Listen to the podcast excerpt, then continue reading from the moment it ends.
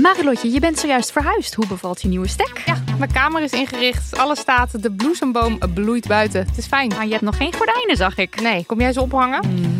Maar het ding is dus, desondanks alles slaap ik als een koningin dankzij mijn matras van Emma Sleep. Een prinses zonder ert ben jij. Al leg je een ert onder mijn matras, ik denk niet dat ik er last van heb, want het is een hemelsding. En dan heb ik ook nog mijn Emma Diamond Pillow. Jouw slaapkamer is een slaapparadijs. Wil jij dat nou ook? Ga naar emma-sleep.nl en daar vind je moederdag sale met kortingen die oplopen tot wel 50%.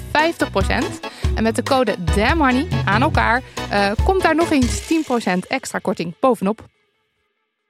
Van het koude Nova Zembla naar het warme Suriname en van Rembrandt naar Judith Leister. Ik ben Hubert Totan en in de podcast In het Rijksmuseum praat ik met specialisten over de verhalen achter mijn favoriete kunstwerken. Nieuwsgierig? Beluister nu de nieuwe afleveringen.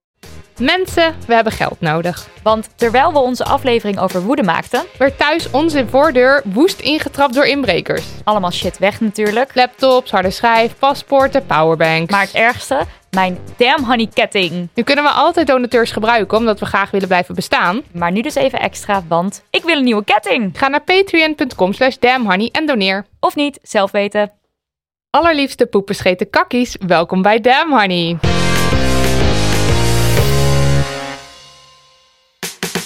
De podcast over shit waar je als vrouw van deze tijd mee moet dealen. Jij bedoelt alles waar je als vrouw van deze tijd mee moet dealen. Ja, dat moeten we misschien even uitleggen.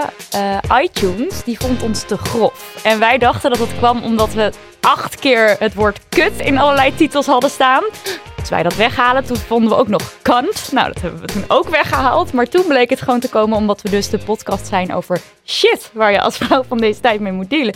Dus nu moeten we de podcast worden over alles. Waar je als vrouw van deze tijd mee moet. Ik hoop maar dat ze Ja. niet luisteren, want anders worden we echt geband voor live. Want we blijven hier gewoon kut en shit en zo Shit, zeggen. shit, shit, shit. Anyway, mijn naam is Marilotte. En ik ben Nidia. En je luistert naar aflevering 21, de poep, scheid, kak, shit aflevering. Ja, want nou ja, we mogen dan geen shit meer zeggen, maar we dachten we maken er wel een aflevering over.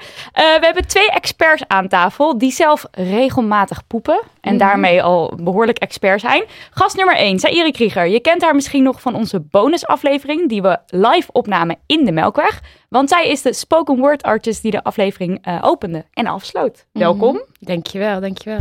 Eh, en gast nummer twee is Instagrammer van het jaar, Lise Korpershoek. En jullie kunnen haar kennen van bijvoorbeeld de grootste en meeslepende stories over haar katten Dirk en Danny, die een turbulente samensmelting achter de rug hebben eh, en inmiddels dikke matties zijn. Welkom Lise. Hoi. Hi. Nou, zometeen meer over poep, kak, scheid, poep. Maar nu eerst, Marilotte, wat is het minst feministische wat wij samen deze week hebben gedaan? Oké, ik zal even inleiden het verhaal. Ehm, het was warm vorige week, eh, zondag was het volgens mij. En wij hadden een zwembadje op ons balkon gezet.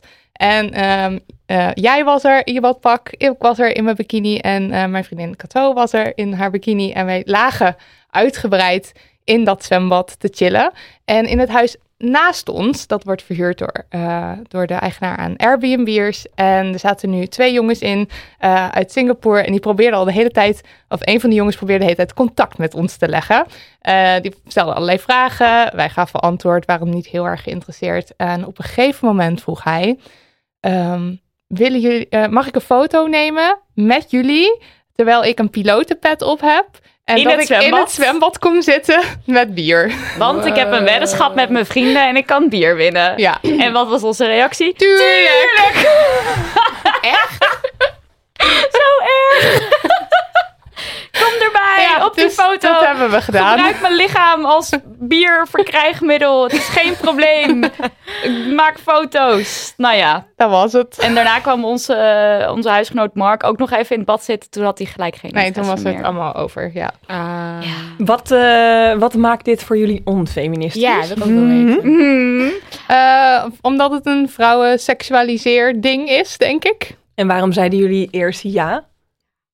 Omdat we dachten, oh, ik, omdat ik dacht, oh ja, die jongen, doe dat wel even. Wat maakt mij het uit? En ik zei ja, omdat jij al ja had gezegd. Ja, ik ben echt, ik heb zo geen grenzen die ik bewaak. Het is echt vreselijk. Iedereen kan er overheen walsen. En toen ik ja had gezegd en jij zo, oké, ja, toen dacht ik, oh my god, wat doen we eigenlijk? Maar toen was het al gebeurd. Wat hebben jullie op de foto zelf gedaan? Laten we daar het nog even over Gewoon hebben. gelachen. Gelachen. Hij wilde Ja. ook nog dat we dichterbij kwamen zitten. En toen heb ik Closer, zo- closer. Ja. En toen, dat hebben we niet gedaan. Ja, dat was het. Nou, hij was op vakantie of zo. Ja, Ja, en en toen hebben we hem zo weer weggebonjourd. Neem deze twee foreign girls even in mijn foto. Want dan Ja. zie ik er super In dat zwembad. in uit. Alles het wat je zegt ik- klopt. Ja. Eh, eh, oh, wat oh, zo naar. Doen jullie het. ook niet feministische dingen afgelopen week? nee, ik vind die van jullie... Ja, nou ja, het is meer... Niet te overtreffen. Ik denk meer aan, zeg maar, wat zijn de mogelijke gevolgen ervan? Dat jullie ergens in Singapore misschien ergens op een billboard staan. Of weet ik veel. Ja, je weet niet. Je weet niet. Ik denk meer daaraan. Eh, ik denk dat mijn onfeministische misschien wel erg... Vind ik eigenlijk erger. Omdat ik mezelf heel veel vergelijk met andere vrouwen. En ik had het vooral op Kitty Kotti Festival... Dat ik daar een beetje rond zat te lopen. En dat ik zoveel mooie vrouwen dacht, zag en dacht... Oh god, ik wenste, ik wenste, ik wenste, ik Mm. wenste. En dat steeds dat gevoel had. Dat, en toen dacht ik, maar wacht eens even. ehm, je moet jezelf niet tegenover andere vrouwen zetten. Dat is heel stom. En ik had een keer bijna tegen een man gezegd... om gewoon het gesprek gaande te houden. Van, oh ja, vrouwen hè. En ik stopte mezelf zeg maar nog... Ik, hij zei van, het duurt, het duurt zo lang of zo. En ik stopte mezelf net om, voordat ik dat zei. En toen bedacht ik me dat ik dat wilde zeggen. Omdat het gewoon een leeg gesprek is. En het moment dat het niveau laag is...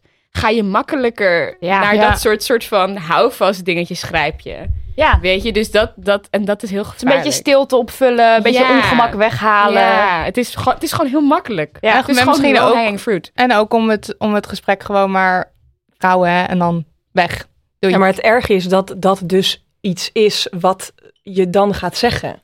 Dat je Mhm. vervalt in exact dat ding. Ja. Daar, daar Dat gaat dat het om. is of all things. Ja, dat je nou, dat dan een soort van een iets een common good is dat je dan gaat zeggen vrouwen. Ja, je het, weet het was wel. ook een beetje, het was ook een beetje dat ik hem in die situatie misschien zich ja, comfortabel wilde laten voelen of zo. Een soort manier van ik ben veilig. Weet je Stonden, wel? jullie, stonden jullie voor de wc te wachten? Wat- Nee, nee, het was gewoon thuis. We waren gewoon aan het Oh, eten met meerdere mensen. En er waren gewoon heel veel mensen die ik niet ontmoet had. Dus ik sprak gewoon met mensen. Je hebt gewoon een praatje. Oh ja. En, eh, die, en ik dacht, ah, dit is zo... Ik, ik, ik voel dat ik mezelf vorm naar mensen om me heen. Ja. Ja. Ik voel dat ik niet helemaal mezelf ben. Ik voel dat... Ik ben ook best wel snel weer weggegaan. Want ik dacht van, ik, dit is echt... Dit... Ook niet de juiste vibe dan. Voor Nou jezelf. ja, nou ja, er waren ook heel veel mensen waarvan ik super veel hou die super lief waren. Maar je weet, kijk, op feestjes, mensen zijn er gewoon en je spreekt gewoon met mensen. Ja, Maar toen je op een Cotty eh, liep, ehm, lukt het je dan om gewoon te denken... oh mijn god, dit vind ik allemaal mooi aan vrouwen... ehm, zonder te vergelijken? Want dat helpt mij altijd. Dat ik gewoon denk, oh, ik vind dit, ik vind dit gewoon heel mooi. Ik hoef dat niet om mezelf te leggen. bij sommigen, ik merkte dat toen ik nog haar had, dat dat eh, moeilijker was om dingen gewoon mooi te vinden. Want toen ik nog haar had, dan kon ik mijn haar vergelijken. En zwart vrouw en haar, dat is gewoon echt een ding. En nu ik geen haar meer heb en het gewoon niet meer belangrijk is, heb ik inderdaad vaker momenten van, yo, dat haar is mooi, maar dit haar is ook mooi. Ja. Ja, ja. Super nice. Maar ik heb het wel met lichamen. En dat is gewoon iets waar je mee opgroeit als, als jong zwarte vrouw. Van je moet een bepaald lichaam hebben en al het andere is gewoon fout. Dus dan loop je daar rond en je ziet gewoon heel veel soort van interactie tussen de mannen en de vrouwen. En het voelt gewoon als een heel groot familiefeestje. Dus I don't know. Het is gewoon, ja, ik moest mezelf herpakken en zeggen: Je bent mooi als jezelf. Iedereen heeft zijn eigen space. Hey, en eh, sorry dat ik door je heen ga. Nee, joh. Eh, ehm, eh, ehm, is het dan zeg maar het lichaam wat je dan graag zou willen hebben als je daar Mhm. rondloopt? Heeft dat dan te maken met eh, eh, wat, als je dat lichaam zou hebben, wat zou je dan zijn? En voor wie is dat lichaam dan? dat, ligt, dat is dus het domme. Zeg maar, ik weet nog dat ik begon te sporten en toen op een gegeven moment meer van mijn lichaam ging houden. En toen stond ik een keertje voor de spiegel en toen dacht ik, ja, en nu? Weet je wel? Van, oké, ja, nu heb je dat Nu dat heb je het, lichaam. check. En nu kan je checken. En nu? Maar dit is ook altijd het geval als mensen, als mensen zichzelf te dik vinden. Tenminste, voor mij, als je jezelf te dik vindt en je valt af en dan sta je voor de spiegel en dan denk je ja. En nu? Want het is gewoon nooit. Het is nooit goed. Je denkt dat je een soort van psychisch verandert en dat is niet en het zo. is gewoon echt niet zo. En daarom heb ik ook mijn, mijn, hele, ehm, mijn hele dieet. be- Probeer ik nu beter in te delen op gewoon waar voel je je goed door en wat is gezond voor jou. In plaats van wat is beter, zeg maar, esthetisch voor je lichaam. En daar gaan we het zo bij de poep ook over hebben. En dat is natuurlijk super hetzelfde eh, dingetje. Ehm, maar ja, nee. Ik heb gewoon heel erg veel meegekregen als jong meisje dat ik gewoon te dun, te dun was. En dat ik gewoon altijd een grotere kont moest hebben. En daar, dat is echt een soort van diep, Ja. diepe, diepe... Ik heb ook echt heel veel jongetjes, jonge, zwarte jongetjes, altijd gewoon zeiden van, je hebt gewoon geen kont. En dat is gewoon, je bent gewoon geen... Ja, dat Dus raakt je bent niet volwaardig. Je bent gewoon niet Ja. een volwaardige Surinaamse vrouw als je gewoon geen bil hebt. Gewoon geen enorme, all-encompassing planeetbil. En ja, en, en het ergste is dat zeg maar in het begin was dat nog alleen een soort van niche ding, weet je wel. Alleen wij hielden van billen. En toen kwam Kim Kardashian En nu houdt hield iedereen iedereen van van billen. Dus ik kan het gewoon, het is gewoon, ik kan niet, ik kan nergens komen. Ik dacht in die white space kan ik nog een soort van mijn kleine billetje gaan chill zijn. En nu kan dat niet meer. Maar nu kwam Merel met geen reden. Daar ben ik super blij mee. Ik hou echt zoveel van haar. Zij is Ja. geweldig. Lise, Ja, heb jij ook ehm, nog iets eh, niet nee. nee, ik heb eh, één... Nee, nee, niet. Volgende vraag. Nee, eh, ik, ehm, ik eh, speel Dungeons and Dragons en dat is fantastisch. En dat doe ik met een groep vrienden. En eh, we deden het afgelopen zondag bij mij thuis. En we- we waren, zeg maar, eigenlijk het belangrijkste is dat we hapjes maken allemaal. Dus daar waren we allemaal heel erg druk mee bezig. Ehm, en ik hoorde zo'n gesprek, want mijn spie- eh, spiegel, niet keuken, ander woord. Mijn keuken eh, grenst aan mijn tuintafel. En ik hoorde zo'n gesprek waarin zeiden van ja, ik heb mijn rijbewijs en mijn vriend niet. En eh, daarin hoorde ik allemaal mensen zo zeggen van ik heb een rijbewijs en mijn vriend niet. En toen rende ik ook zo heel trots naar buiten. Ja, ik heb ook een rijbewijs en mijn vriend niet. en daar voelde ik me heel trots over. En toen dacht ik, godver, maar waarom is het überhaupt iets om trots over te zijn? Want eh, waarom is het goed dat een vrouw een rijbewijs heeft en beter dan dat een man dat heeft? Snap je? Een soort van... En toen moest ik heel erg denken aan het boek Lean In, wat ik las van Sheryl eh, Sandberg, heet zij geloof ik. Eh, waarin staat dat vrouwen vanaf jongs af aan eh, heel klein worden gehouden en Mhm. onzeker worden gemaakt. Mhm. Hè, waar jullie het vorige week ook over hadden, vorige aflevering, over ehm, dat... ik weet Dat je niet niet of boos mag worden. ja. precies. En als je boos wordt als meisje, wordt er gezegd, doe even normaal. En als je boos wordt als jongen, dan zegt, oh, wat een daadkrachtige jongen. Ja. En dus meisjes worden, worden veel onzekerder gemaakt. En daarom denk ik ook eigenlijk dat een uitwerking is dat vrouwen veel onzekerder zijn op de weg. En dus eh, inderdaad misschien slechter zijn in rijden. Eh, en daar werd ik toen, toen ik daarna over nadacht, werd ik daar zo boos over. Dat ik dat, nou niet boos op mezelf, dat ik dat zo trots gezegd had. Maar gewoon dat ik dacht, dat is gewoon echt bij zoveel facetten aan de hand. Dat vrouwen eh, vanuit die onzekerheid die gewoon helemaal erin Mm. gestampt zit. Ja. trots moeten zijn op dingen of zo. Omdat dat moeilijker komt. overcompensatie. Ja. Want zeg maar, als ik denk aan een rijbewijs, zeg maar, dat alleen al vind ik een super prestatie. Als iemand tegen mij zegt, want ik ben, ik ben, ik ga sowieso mensen aanrijden. Ik ben echt geen enkele direction gevoel voor het besturen van dingen. Mhm. Um, überhaupt mezelf niet eens. Maar goed, ehm, eh, als iemand tegen mij zegt, ik heb een rijbewijs, punt, denk ik, wow, nice, dope. Heel veel geld is dat. Superveel werk, theorie, rijlessen, superveel mensen die, die, die hebben, moeten het echt drie keer over, overnieuw doen. In Nederland sowieso is het niet te doen. Niet zeg te maar, doen. Nee. Nee, dus dat is op, zich, op zichzelf al een super grote, ja, gewoon Prestatie is het gewoon. prestatie. En dan moet je dat soort van harder maken door te zeggen, maar mijn vriend niet, want dan is het meer waard. Terwijl dat is inderdaad, ja, heel raar. Heel weird. Nee, ik voelde, voelde niet goed. Eh, Nee, ik begrijp, ik begrijp. ja. vanavond gaan we Ja. weer Dungeons Dragons spelen, dus dan ga ik het even opgooien. Nog even voordat we beginnen. Voordat de snacks op tafel gaan. Ja. Tijd voor post. Eh, aangezien we hier twee hele wijze vrouwen he- hebben zitten met heel wijs advies eh, in zich, ehm, hebben we besloten om eh, eigenlijk heel veel dilemma's te gaan bespreken. Alright. En dit wordt eigenlijk een beetje de ja, kort maar krachtig sessie. Ja, jullie hebben deze Ja. assumptie gemaakt dat, dat wij wijs zijn. Mm. Dus eh, ik ga jullie laten leven met de mogelijke eh, disappointment als ik het niet allemaal Ja, kan lossen. Ik, eh, je mag het dus heel kort Ik ga sowieso houden. alleen ja. maar met hele wijze dingen Ja. komen. Ja, Advies nee, jij- ik, ik geloof jou. Oké, ik weet ik mezelf. Nummer 1. Ik werk op een operatiekamer waar patiënten onder plaatselijke verdoving behandeld worden. Nu krijg ik zeer regelmatig van mannen van alle leeftijden opmerkingen over dat ze blij zijn dat ik even kom kijken met mijn mooie blauwe ogen of mijn voorkomen, waarop zij denken een opmerking of grap te mogen maken. Ik vind mezelf echt heel normaal en de werkkleding die ik aan heb eh, is verre van sexy. Maar dan nog, ik ben aan het werk. Zeg dat niet. Een mannelijke collega vindt dat ik van me af moet bijten door tegen de patiënt te zeggen dat ze een onbeschofte opmerking maken. Echter vind ik het belangrijk de vertrouwensband van patiënt-operatieassistenten slash operateur niet te schaden vanuit Mm. mijn kant. De operatie moet in veel gevallen nog gebeuren en de patiënt is gespannen of bang. Hmm. Wat zou ik volgens jullie wel kunnen zeggen zonder die vertrouwensband te schamen? Ik denk, Schaden, denk ik. ik denk ten eerste dat moment van angst, net voor een narcose, is eigenlijk precies hetzelfde moment als dat ik met een jongen spreek en dat ik het gesprek door blijf la- moet laten gaan. Dus zeg maar dat ongemak, dan grijpen mensen heel makkelijk naar hun eerste vooroordelen. Dus het is super makkelijk als patiënt om in een moment van angst te zeggen: Oh, ik ben zo blij dat jij er bent met je mooie blauwe ogen. Terwijl Ja, je eigenlijk misschien wel opvullen. weet, het is opvullen. Ja. We weten dat het gewoon bullshit is en dat je het niet kan zeggen. Ik zou ten eerste het gewoon even delen met de rest van ook je vrouwelijke collega's. En misschien als er bepaalde patiënten zijn die gewoon alles vervelend zijn, gewoon even ruilen met mensen. En als je echt met die patiënt moet blijven praten, zou ik even tegen de patiënt zeggen van... Nou, het is ook heel goed dat ik gewoon supergoed mijn werk doe. Los van mijn blauwe ogen of zo.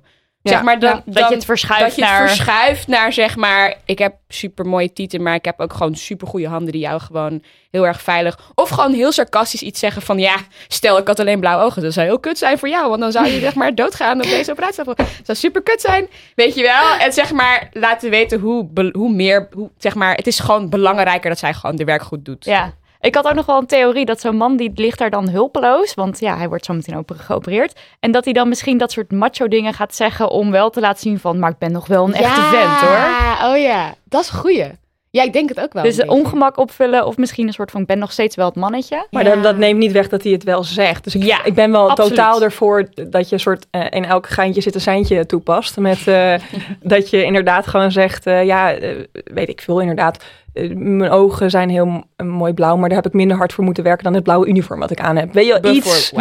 Nice. Bars. Ja. Bam. Bars Eh, dus, eh, dus, dus dat je er zoiets, dat je hem even, ook al is hij bijna oud voor een uur en wordt er in hem gesneden, dat je toch nog even in dat hersentje iets over rijft. Ja. Waar dat je lekker hoopt over dat je kan, ze wat eh, leert. Ja. ja. Maar wat ik, eh, waar ik nog wel een beetje, waar ik even iets over wil zeggen nog, is dat, het, dat ze het nodig vindt wel nog om te zeggen, eh, ik zie er heel normaal uit. Ik heb mijn werkkleding aan Mm. en het is verre van sexy. Dat, dat Mm. vrouwen dus blijkbaar wel nog eventjes de neiging voelen om dit nog even te verduidelijken. Dat, Het ze daar niet met een, ja, dat ze daar niet met een enorme decolleté staan. Maar wat dan nog, als je Ja, dat hebt? Dus exact. is- dat is- Maar dat betekent dat ze dus alsnog, eh, dat is natuurlijk misschien in vrouw eigen, weet ik niet, wil ik niet claimen, maar dat je het eventjes eerst op jezelf legt, heeft hij gelijk of Mhm. niet? ja, Erg Ja. toch? Ja. We hadden ook bedacht van dat je, je kan een zinnetje bedenken, iets van... ehm, eh, Hou je bek. ik vind- ja, dat.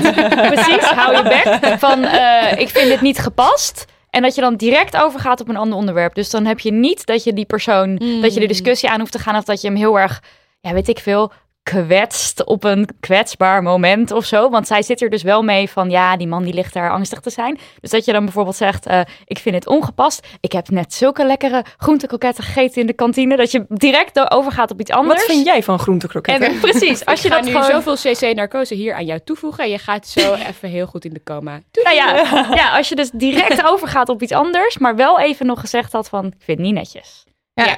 En wat, ook. wat, was, eh, wat ik ook nog dacht is, ehm, zij, zij zegt, eh, ik wil de vertrouwensband niet schaden. Oh ja. Maar ehm, ik ben dus gewoon een beetje, verwar je hier niet. Vrouwen wordt meegegeven van jongs af aan al om meegaan te zijn en altijd maar vrolijk en blij en lief. Ehm, verwar je hier niet de vertrouwensband of de, eh, gewoon jouw functie als verpleegkundige met zeg maar het vrouw zijn. Ja. Het is niet jouw taak om ehm, lief te zijn Nee. per se tegen een patiënt. Je moet eh, goed zijn in je werk en natuurlijk moet je iemand opvangen en, en goed voor diegene zorgen. Dat is je werk. Mhm. Maar je hoeft niet zomaar zulke kutopmerkingen over je heen te laten komen. En Nee. dat is gewoon heel erg. Ik vraag me dus af of een, de mannelijke collega waar ze het over heeft, of die het bijvoorbeeld ook zomaar over zich heen zou laten komen als iemand zoiets zou zeggen of niet. Als hij dat onprettig zou vinden. Nee, ik denk dat het goed is voor de vertrouwensband om het wel op een manier aan te geven. Want Ja. de vertrouwensband is niet gebaseerd op hoe lief of hoe aardig of hoe mooi je blauwe ogen zijn. Die vertrouwensband is hoe goed doe jij je werk. Ja. Ja. Ik ben als patiënt bij jou in de goede handen. En jij gaat, ik krijg, heb gewoon niet, weet ik veel, een botched nose job bij jou of zo. Je kunnen je ogen nog zo blauw zijn, maar je kan me net zo goed gewoon vermoorden. Weet je wel, ik heb wel gewoon een scalpel in mijn hand. Dus die vertrouwensband, als jij daarin aangeeft van hier zit mijn grens, tot hier ben ik lief, maar ik ben ook aan het werk Ja. en ik ben Ja. bezig met mensenlevens. Dus als jij eh, eh, mijn, mijn voorkomen wil gaan becommentariëren, dan ga ik daar iets over zeggen. Ja, terecht ook. En dat is gewoon goed voor, ik denk ook wel goed voor vertrouwensband. Want dan weet die guy ook wel, oké, zij is hier om mij. She's a professional. She's a professional, she's not, no, Oké, nummer twee. Oei. Laatst had ik op het werk een discussie binnen een werkgroep met een mannelijke collega. Ik wist zeker dat ik het bij het rechte eind had. Hij wilde totaal niet luisteren en zei tijdens de discussie, en nu komt hij, ja maar lieve schat, luister. Oh. Toen schoot ik zo in mijn allergie en boosheid en heb ik, vertel, heb ik verder mijn mond gehouden tijdens de discussie. Hem doodgezwegen, zeg maar. Later kwam hij wel tot het inzicht, doordat een andere collega mijn woorden nog eens herhaalde, dat ik gelijk had. Was de mannelijke collega Ja, toevallig? dat staat er niet bij. Verstandig inderdaad. Nu gaat het me niet om mijn gelijk, maar om het feit dat hij me lieve schat noemt in een fucking discussie. Alsof ik rete emotioneel was of gewoon domme dingen aan het zeggen was. Hoe zouden jullie hier nu mee omgaan? Nou, ik had dit dus laatst met iemand dat ik in een echt een hele heftige discussie zat. En wij schreeuwend aan de telefoon. En toen werd ik dus de hele tijd, dit was toevallig een vrouw. En toen werd ik dus de hele tijd lieve Marilotte genoemd. En het was zo, zo frustrerend. Door onze verhuurder, hè? Dus Ja. zeg maar door iemand waarmee je een zakelijke Oh, band ja. hebt. Die guy die jij in elkaar geslagen hebt. Reactionator. Dat die guy. Ja, die guy. Oh, nu begrijp ik het. Nu Maar dan was het dus een vrouw. Nou, maar die was Die de daarvoor vrouw, was een werkt. woordvoerder van hem. En eh, nou ja, de- daar, daar, daar had ik dus een enorme discussie mee. En die, die, eh, elke zin eindigde ze met, lie of begon, lieve Marilotte dit, lieve Marilotte zus, bla bla bla bla bla, lieve Maar het is Marilotte. natuurlijk heel denigerend, want ze Ja. zet je de hele tijd onder jou Precies. neer. Precies. Dat is Ja. elke keer je Ja. hup, en een flap. Ja, en het, ik, eh. ik- zeg maar, mijn reactie was, nah, of zo. Het was echt niet de reactie. Toen nam Nidia nam het gesprek over en die zei, op dat had ze niet door, want ze bleek maar lieve Ze Marilotte. dacht nog steeds dat ik, dat ik Marilotte was. Ja. en toen zei Nidia op een gegeven moment, sorry, maar mag ik even vragen waarom je de hele tijd mijn naam herhaalt? Want ik En- vind het denigerend en Ja. toen hing ze op. maar ik, ja, ik zou wel Ah. aan deze eh, luisteraar aanraden om het toch alsjeblieft te zeggen. Want wat je doet met eh, dat doodzwijgen, wat ze noemt, daar hebben we het vorige aflevering over gehad. Dat is dus een manier om je woede eh, binnen te houden. Maar Mm. uit het toch alsjeblieft. Mm. Zelfs Ja. als je het niet heel goed onder woorden kan, kan brengen, dan kan je ook gewoon vertellen, dit hoor ik nu Dit is niet en dit doet het met me. Het is niet oké. Wat wil jij zeggen? Want Ja. je zit een beetje... Nou ja, mm. ik, ik, zeg maar, ik ben altijd van zeg maar, dingen heel sarcastisch grappig oplossen. Ik zou gewoon hem de hele tijd lieve schat noemen de hele tijd. Ik zou gewoon hetzelfde doen. Ja, gewoon nou, ehm, lieve schat. Ehm, ik heb het gewoon aan het rechte eind. En ik zou dat gewoon doen. Maar ja, goed, dan leert hij er heel weinig van.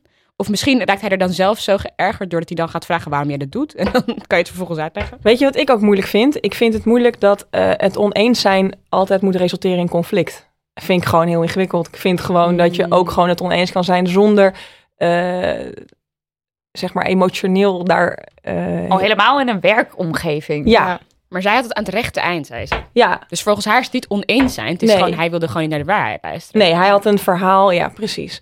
Eh, ja, oké. Maar ik, ik, eh, ik weet het niet. Ik vind het gewoon he- sowieso heel vervelend als iemand je vertelt hoe, hoe iets is zonder te luisteren. En ik, ik zou wellicht ook gewoon in een stilte schieten wat super kut is. Ik ook. Oh ja, ik zou Ja. dat zelf ook Ik- doen. nee, ik maar ik, zou ook. aanraden Ja. om het niet te doen. Nee. En helemaal niet niet. als je het bewust doet van ik ga jou nu eh, negeren als soort eh, wraak. Dat zou ik proberen zo min mogelijk te doen. Sinds de vorige aflevering heb ik echt wel geleerd van Hmm. uit- probeer het te uiten, maar dan moet je op oefenen. Misschien moet ze gewoon iets heel geks doen, waardoor je uit de situatie wordt gehaald. Dat ze in één keer een ratslag maakt of zo, of met haar schoenen gaat jong leren. Want dan is het zo raar. En dan kunnen we, is het een soort van reset button. En dan kunnen we weer... Helemaal opnieuw. Ja, eigenlijk een hele goede oplossing. dat ook En ik, een hele ik- goeie. Ik denk ook dat, weet je, ik zou ook in de stilte schieten. Ik vind het helemaal geen rare reactie, maar ik zou in die stilte wel zeg maar plotten. Ik zou een Mm. plan smeden. zeg maar, ik zou echt zo, oké, hoe ga ik jou zo terugpakken? Nummer drie. Ik eet al een aantal jaar geen vlees meer vanuit milieuoverwegingen. Nu ben ik me dus steeds meer gaan verdiepen in feminisme en dat, heeft me, en dat heeft me nieuwe vragen gegeven over het consumeren van dierlijke producten. Bijvoorbeeld de melkindustrie. Mm. Voordat een koe melk produceert, moet zij kunstmatig geïnsemineerd worden en een aantal maanden een kalfje dragen en natuurlijk bevallen. Vervolgens wordt het kalfje vlak na de geboorte bij de moeder weggehaald, zodat wij, de mensen, de moedermelk van dat kalfje kunnen drinken. Is het, een kalf, is het kalfje een mannetje, dan wordt het vet gemest en vervolgens geslacht. En de goede kalfjes, vrouwtjes, wacht hetzelfde lot als hun moeder. De koe wordt, nadat de melkproductie afneemt, steeds opnieuw kunstmatig geïnsemineerd, totdat ze ongeveer zes jaar oud is. Dan is de moederkoe niet meer rendabel en moet ze worden geslacht. Koeien kunnen veel ouder worden. Ik kan het consumeren van melkproducten, sinds ik me verdiept heb in het feminisme, niet langer legitimeren. Het gaat immers om het structureel uitbuiten van vrouwelijke dieren. Wat denken jullie, draaf ik nu door? Ik snap het helemaal. Dat je, eh, je daardoor... eh, een koe kan geloof ik 27 worden of zo. En Ik weet het eigenlijk niet. Ja, volgens mij, ik heb me daar ook wel eens in verdiept. Ehm, ja, sowieso is de hele bio-industrie één grote teringbende. Tuurlijk. Goor. Ja. Het is echt ongelooflijk goor. Ik ben lactose intolerant. Daarom ben ik zo eh, ook, daarom kom ik ook praten over poepen. Ehm, dus ik eet sinds, drink en eet sinds heel lang helemaal geen dierlijke producten. Dus dat is niet per se om milieu. Ik, ehm, ik ben geen vegan, ik ben ook geen vegetariër, dus ik eet wel vlees. Maar waar ik echt een probleem mee heb, is gewoon de massaproductie. En gewoon een soort van dat we allemaal in, in een gekke, extreme positie zijn. Waar we gewoon alles en iedereen uitbuiten voor onze eigen. Het is gewoon, het is gewoon echt heel vervelend. En ik begrijp je volledig. Voor mij was er niet per se een feministische inslag, per se om de vrouwelijke koeien. Ik, ik weet niet, dat is niet per se mijn. Ja, je hebt natuurlijk de all oppression is connected gedachte over op het moment dat je dus eh vrouwenkoeien Mhm. koeien gaat uitbuiten, dat Mhm. dat allemaal gelinkt is uiteindelijk. Ik denk aan dat het sowieso, het is sowieso allemaal gelinkt aan onderdrukking en gewoon het, kapitalis- het kapitalistische systeem van Ja. we moeten altijd maar meer en meer en meer en meer en meer. Ik zou gewoon, als ik jou was, gewoon sojamelk drinken, want het is ook gewoon beter voor je stoel. Of havermelk. Of havermelk. Maar wat ik nog, wa- want ze zegt, eh, wat vinden jullie, draaf ik nu door? Dat vind ik sowieso niet. Want op een gegeven moment heb je gewoon, zo, je hebt soms zo'n moment dat de, ik wil zeggen schillen, maar ik bedoel schellen van je oog vallen. en, ehm, en dan kan het niet meer. En dat is denk ik voor iedereen heeft wel zulke momenten over verschillende onderwerpen. En dan raak je daar gepassioneerd over en dan, dan kan dat niet meer. De laatste keer dat ik, een, dat ik kip kocht in de supermarkt bijvoorbeeld is heel lang geleden, want het kan niet meer Hmm. voor mij. En dat is voor iedereen heel persoonlijk. Dus doordraven, nee. Maar Nee. het is voor iedereen anders. Ik denk het eerlijk gezegd ook niet. Ik denk het eerlijk gezegd ook niet. En sowieso- ja. Nee. Ehm, nee, sowieso ehm, moet je misschien eh, op dit soort gebieden niet te veel naar buiten kijken. eh, want dit gaat over jou, zeg Ja, maar. Ja, precies. Het gaat over goed. jou en wat jij voelt. En niet dan zeg maar dat tegen anderen aanleggen om te justifyen of je wel of niet doordraaft. Ja, precies. Drink gewoon lekker je sojamelk en je ve- vegan kaas. En, Ja. en eh, spread the message eh, door brieven te sturen naar podcasts, zodat meer mensen het horen. Ja, Ja, ik vind ook dat de regering gewoon echt gewoon een tax moet leggen op vlees. Maar goed, Eens, helemaal eens. Ik ook. gewoon 100%. Oké, nummer vier. Op mijn marketingafdeling is een collega ontslagen. Onze directeur heeft samen met het MT besloten om de 32 uur die wegvallen op te vangen door mijn collega. Eh, dan komt er een beetje uitleg erover, maar dat is niet heel belangrijk. Ehm, daarnaast willen ze dezelfde collega ook coördinerende taken geven. Hij is junior. Dit is gek, want ik ben meteor. We hebben ook nog een senior in het team, maar zij wil de coördinerende, coördinerende taken niet. Ehm, ze zijn haar ook niet aangeboden. Hmm. Ik hoor van andere collega's al vaker dat onze directeur mannen serieuzer neemt. Dit maakt Hmm. mij boos. Hmm. Krijgt daarom de junior deze taken aangeboden? Zelfs de senior vindt dat ik de taken naar mij, dat ze naar mij moeten, omdat ik er het meest geschikt voor ben. Ik zit binnenkort met de HR-manager. Ik wil je graag aangeven dat we met die extra uren van, het junior, van de junior het werk. Sorry, ik ga helemaal. Bleh.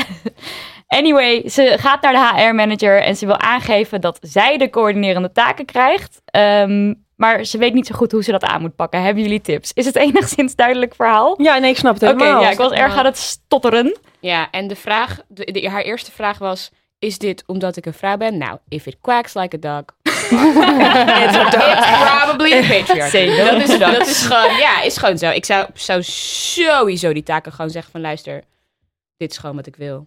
Dit is, dit is wat, jullie weten ook wel dat ik dit gewoon verdien. Ik heb, ik zit hier langer, de junior kan niet aan. Het is efficiënter, het is beter voor... Gewoon aangeven eh, wat voor een waarde jij toevoegt aan die taken. Want ik weet zeker dat je dat doet.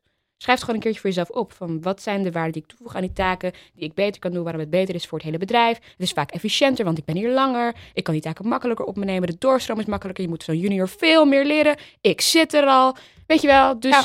Ja, Eigenlijk gewoon the tafel. facts, inderdaad. gewoon, Maar- gewoon lekker opeisen. Ik vind het inderdaad wel ingewikkeld aan deze situatie, maar dat is natuurlijk ook gewoon een bedrijfsstructuur en daar weet ik heel weinig Ja, van. ik ook niet hoor. Eh, dat, ehm, dat er dus allemaal gesprekjes zijn Mm. over iemand en hoe iemand denkt voordat dat überhaupt bedacht is. Want Ja. misschien, eh, misschien is er wel iets nog gênanters aan de hand, namelijk dat het, eh, weet ik veel, dat, eh, dat de, H, nou, weet ik veel, de baas die heeft seks met de moeder van die. En, ja, weet jij veel, er kan ook een heel ander verhaal achter zitten. Je ja. weet, ja, precies, het kan een hele telenovelle zijn. Ehm, of misschien, je weet het niet. Dus Nee. zeg maar, en nu wordt er al bij die man gelegd dat hij waarschijnlijk dat het wel opvalt dat die mannen.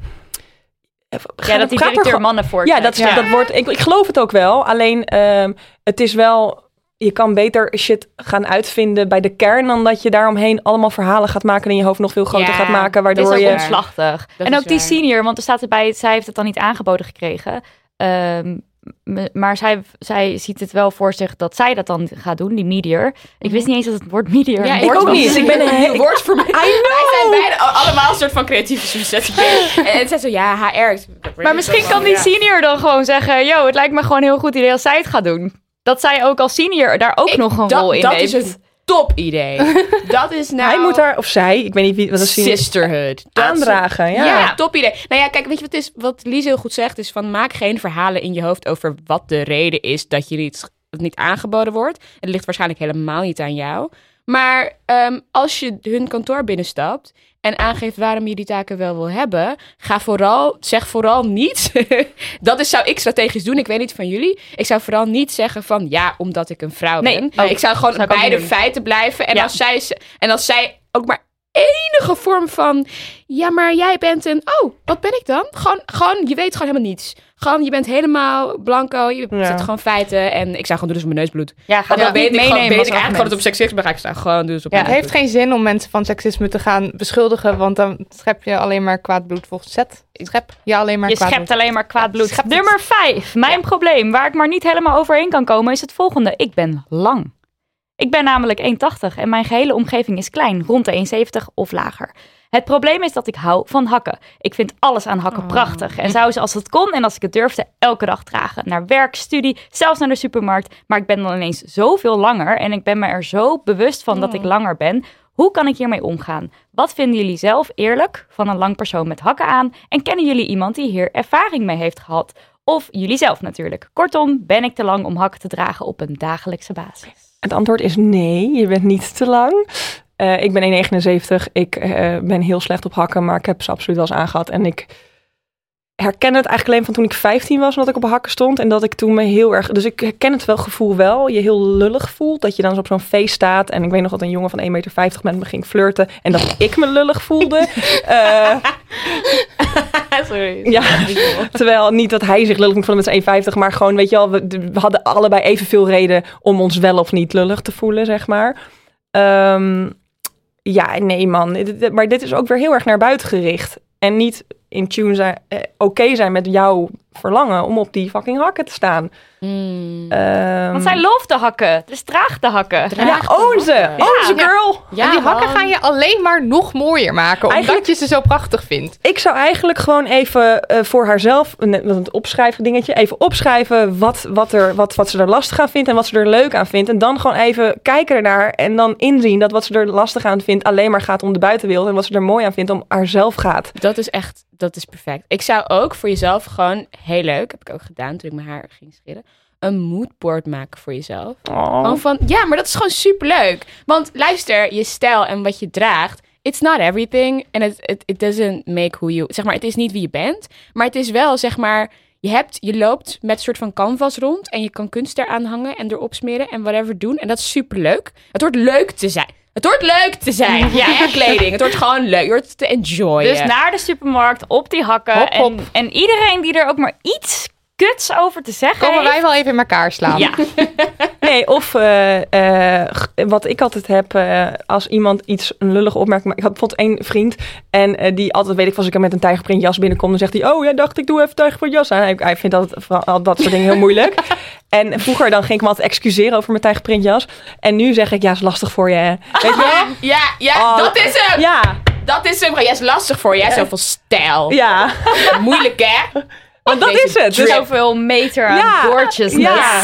Gewoon. en als je gewoon- je opmerkt, merk je, oh, is lastig voor jou, hè. Weet je, leg het probleem gewoon lekker daar neer, want daar komt het vandaan. En Ja, niet, heel veel internaliseer het niet. heel erg onzeker over dat ze sommige dingen gewoon niet konden dragen. Ik ben niet zo lang, maar toen ik jonger was, was ik ook langer voor mijn leeftijd. En toen was er ook een guy in de kerk, nota bene, die altijd zei...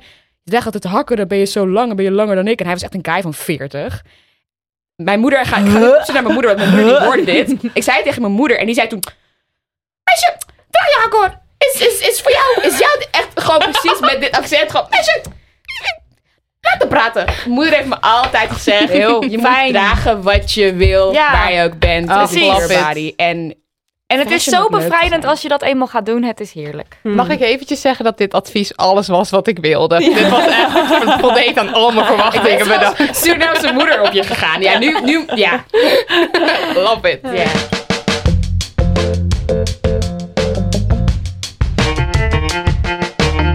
We moeten het even hebben over all things poep. Maar echt, want waarom is het nog altijd een ding dat vrouwen poepen?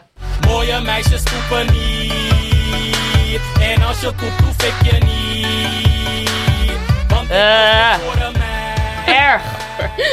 Toch erg. Ja, ik las dus ergens dat eh, vrouwen ook mensen zijn. Oh. Is Dus dat zo? ja, ja, ja, ja, het heeft schrikken. nee, dat- dat- en dat ze is dus ook poepen. statement. Ja. ja. Ja. Het schijnt waar te Ongelooflijk. zijn. Eh Saïre, jij stuurde eh, over poepen een tweet de wereld in. Namelijk, poepen tijdens je menstruatie is mad weird. En iedere vrouw weet dit, maar niemand durft erover te praten. nou, vandaar dat je hier aan tafel zit. Want deze tweet raakte Maakt er veel ons. los. Oh, wauw. Ja, en eh Lise, Ja. eh, van jou hebben we dit fragmentje klaarstaan. Tip 3. Zeg, ik ga douchen. En zet de douche lekker hard aan. Ga zitten op die wc die toevallig naast de douche zit. Kak je hele kak leeg. En dan lekker douchen. En die geur, weg gaat die. Geef je poep een alibi. Het slaat nergens op. Dit advies komt uit adviezen van Lise. En eh, heb ik hem wel eens toegepast? Misschien. Ja, de kraan heb ik soms aangezet. Dat ik heel hard de kraan aanzet. En dan hoor je het. Soms heb je van die wc's die ploppen.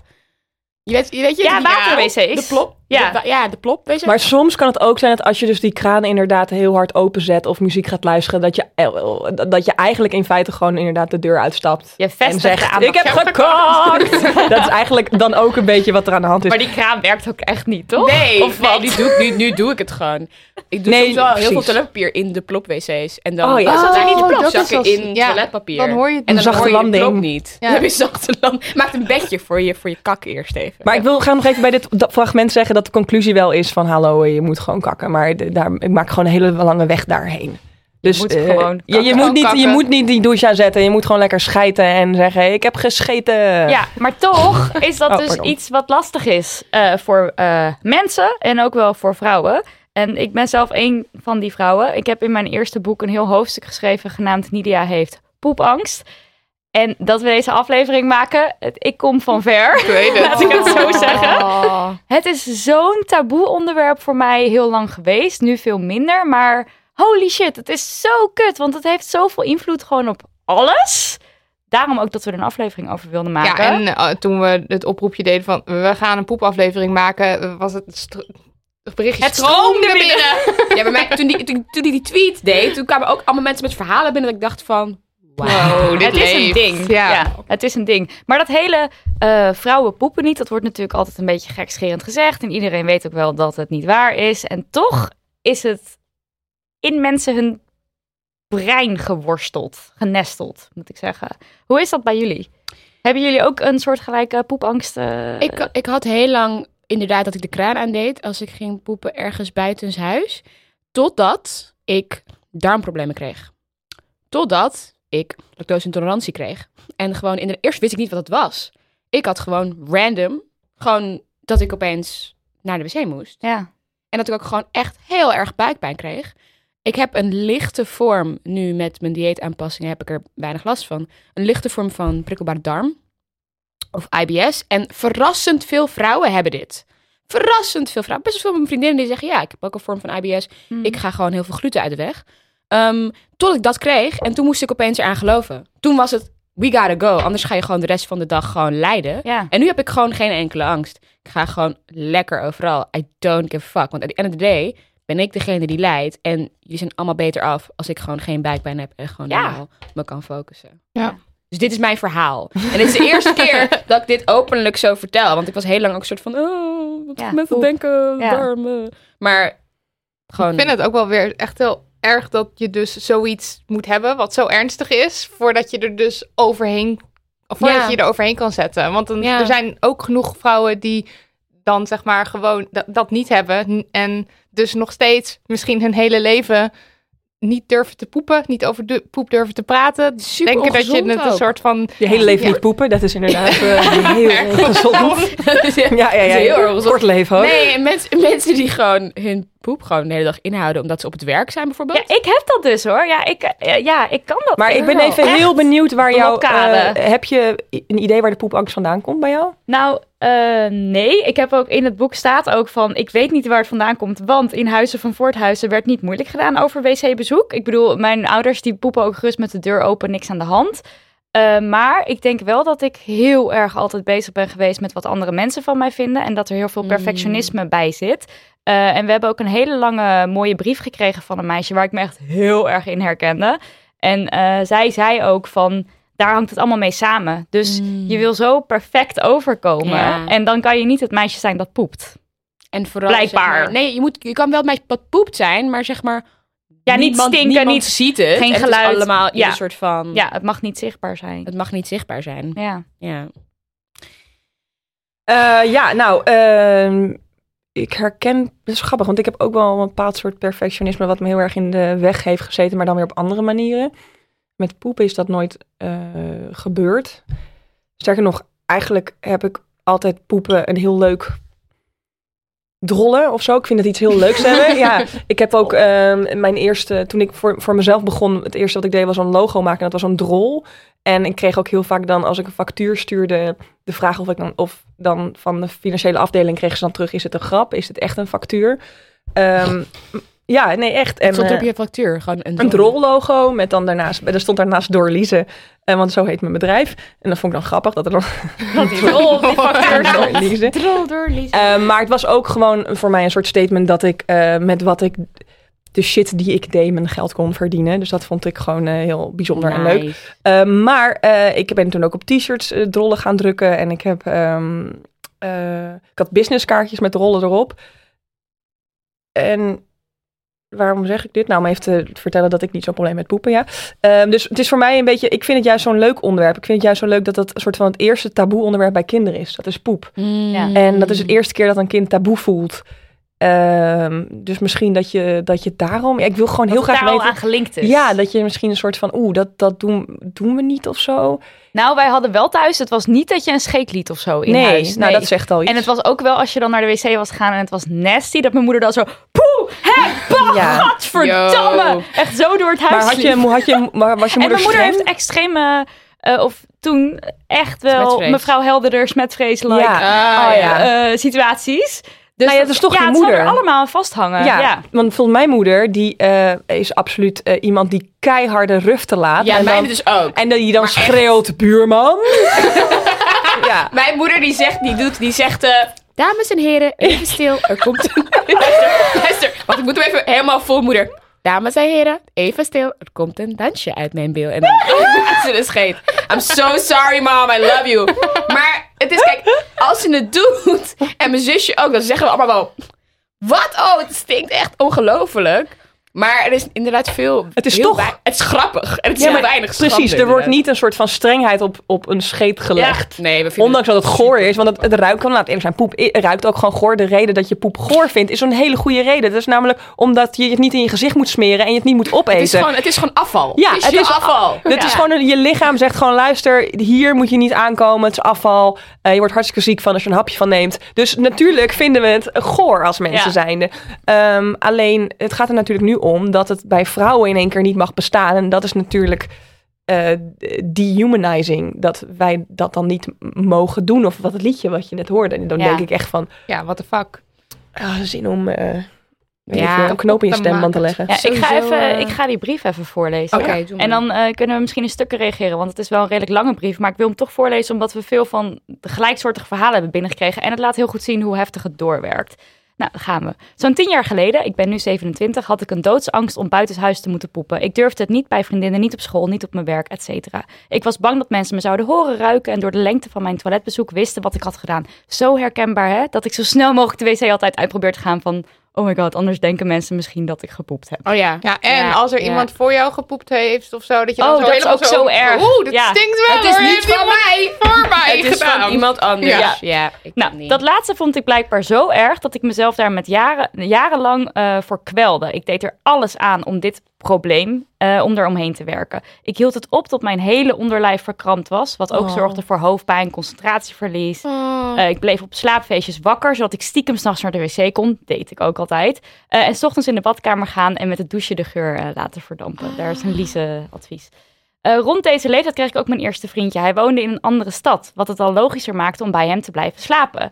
En daarnaast dacht ik wel klaar te zijn voor alles wat verder ging dan zoenen. Maar mijn lichaam verkrampte, eh, gaf, verkrampte en gaf een ander signaal. Zie ik achteraf. Ook bij dit vriendje hield ik continu mijn poep en scheten op. Telde de uren af tot ik weer naar huis kon. Bleef ook bij hem s'nachts wakker om stiekem naar de wc te gaan. Wat dan vaak al niet meer lukte. En ik had ook op die leeftijd een vriendje in een andere stad. En ik poepte gewoon dan dus niet van vrijdag tot zondag. En dan kwam ik thuis en first thing ik rende naar de wc. Zo'n drol. Maar hoe heb je dan een leuke tijd met je vrienden als je de hele Is tijd heel zeg maar, lastig. kak in je endelt daar hebt zitten? Dat Maar is het gewoon is ook- naar. Het blokkeert echt, hè? Dus het is niet van, ehm, ik schaam me en dus ga ik het nu niet doen of zo. Dat is wel de eerste eh, gedachte. Maar daarna lukt het ook oprecht niet meer. Ja, maar dan is het al... Dat is iets wat mijn moeder me altijd heeft geleerd. Mijn gore Surinaamse moeder. Je moet het gewoon zo snel mogelijk doen. Want Ja. hoe langer je wacht, hoe harder die shit wordt en hoe moeilijker het wordt. Precies. Ja. Maar ik heb hier net ook wat over geleerd uit het boek De Mooie Voedselmachine van eh, Julia Enders. Eh, zij vertelt in het boek dat we twee sluitspieren hebben. Een binnenste en een buitenste buitenste. sluitspier. Yes. En die binnenste sluitspier die zegt, joehoe, we gaan poepen. En dan zegt die buitenste sluitspier, hell no, want scharrel. En dan zegt die binnenste sluitspier, oké, dan wacht ik even. Maar daarna komt hij weer, joehoe. Eh, en dan op een gegeven moment eh, gaat die communicatie dus verloren. Als je dat continu blijft negeren, Mhm. dan is die buitenste en die binnenste sluitspier zijn dan niet meer op elkaar gezinkt. Yes. En dan gaat het helemaal naar de tering. Yes. En wat IBS dus doet, Mhm. de link van... Dit is, er is geen enkele uitleg voor wat IBS Ja, wat is het en wat is. precies is. Ik weet mensen die voeding en diëtetiek studeren, die zeggen altijd... Als ik zeg dat ik het heb, zeggen ze ja, nee. Wat we leren op school daarover is... Laat alles los wat je denkt dat je geleerd hebt de laatste drie jaar. Want vruchtbare darm Maar wordt er het wel over. serieus genomen? Want Het, het, is, het is, sommige mensen denken dat het inderdaad niet echt Ja, is, maar het is meer een, een paraplu-term voor alle andere dingen naast Crohn en dingen die we niet kunnen, geen, nou ja, we hebben het geen, Geen naam kunnen geven. Dus het kan ook zijn dat ik iets anders heb, dat ik gewoon intoleranties alleen heb. Ehm, eh, waar was mijn, enfin, ja, dus de link, zeg maar de mentale link tussen je binnenste sluitspier en je brein is zeg maar weg. Ja. Dus je kan, het is soms gewoon, dat je kan gewoon niet gaan. Maar daardoor ben ik dus mijn trigger, mijn poeptrigger, gewoon echt gaan loeven. Zo Gewoon, van, ik ben blij dat jij go. bent. het Ja, werkt. En ik ben blij dat jij gewoon mij laat zien wanneer ik moet gaan. Ja. Want er is een tijd geweest dat het gewoon niet ging. Mhm. Dus ik ga nu gewoon. Ik ga nu gewoon. Ja. En ik stap ook vaak ook wc's uit dat ik denk van... Ah, ja, jongens, weet je, ja. Je- Yes, ja, honey. ja, weet je, ik weet dat jullie dit haten, maar ja, weet je, het is gewoon beter jij dan ik, man. It's, ja, sorry. Heel goed. Maar oké, maar het wordt Oh. erger. Want Oh. eh, Oh, aangezien nee. je voor seks ontspannen moet zijn, werd dit al gauw een probleem in onze relatie. Ik genoot nauwelijks van vingeren of beffen, werd niet nat, kwam nooit klaar en durfde niks te zeggen over mijn angst. Ondanks dit alles ben ik wel door hem ontmaagd, maar dit was pijnlijk en daarna deden we niet meer aan penetratie. Niet veel maanden daarna strandde de verkering. Ik zou willen zeggen dat dit ook door andere issues kwam, maar nu ik dit opschrijf, denk ik dat het allemaal samenhing, omdat ik me mentaal niet volledig open durfde te stellen, Hmm. uitte zich dit in fysieke problemen. Gelukkig heb ik aan de bel getrokken, ik geloof tegen het eind van de relatie of iets daarna, en heb met een psycholoog besproken waarom ik nou zo bang was voor poepen. En dit vind ik zo goed in het verhaal, want ze heeft dus erkend van, dit is echt wel een issue, ik moet naar een psycholoog. Ja, go you, man. Het bleek dat ik de drang had om perfect te zijn. Ik deed het nooit goed genoeg, vooral in relaties met anderen. Met EMDR heb ik over een specifieke traumatische, ben ik over een specifieke traumatische situatie heen gekomen uit de relatie. Daarna ging het geleidelijk aan steeds beter en kon ik iets losser ermee omgaan. Ik ging ook snel op kamers wonen en verhuisde naar Amsterdam, wat mijn vrijheid ook vergrootte. Ehm, het verhaal is helaas nog niet helemaal rond. Toen ik net op mezelf woonde en studeerde, hield ik er op seksueel eh, gebied nog steeds een dominant zo hoort het idee op na. Ik dacht dat het hoorde om met random jongens naar bed te gaan en het concept mijn eigen grenzen kennen en aangeven was me onbekend. Het ligt denk ik wel iets complexer dan dit. Ik was namelijk ook oprecht nieuwsgierig en hield enorm van versieren en zoenen met onbekenden. Hmm. Eh, achteraf gezien was ik eigenlijk nooit klaar met, voor penetratie op een paar keren na. Niet alleen omdat ik niet opgewonden genoeg was, maar ook omdat de penetratie tegen mijn zin in me een verhoogde bekkenbodemspanning bezorgde. Ook wel een overactieve bekkenbodem genoemd. Hmm. Dit heb ik allemaal moeten ontdekken in mijn huidige relatie. Bij hem durfde ik voor het eerst volledig mezelf te zijn. Omdat we echt intiem met elkaar waren, kon ik niet meer doen alsof ik seks en penetratie fijn vond. Lang verhaal, maar het komt erop neer dat ik seks vermeed en hij dat moeilijk vond. Dankzij een lang traject van psychologen en fysiotherapie heb ik nu eindelijk seks, seks zoals ik het lekker vind, maar blijft nog steeds een uitdaging. Ik vind het confronterend om dit op te schrijven. Het is zo pijnlijk om te zien hoezeer ik mezelf iets oplegde. Iets wat, duidelijk uit de maatschappij, eh, wat ik duidelijk uit de maatschappij had opgepikt. Denk aan de uitspraak vrouwen poepen niet. Je enorm bezighouden met hoe anderen, hoe mannen je zien. Hoe je je hoort scheren, op te maken, et cetera, et cetera.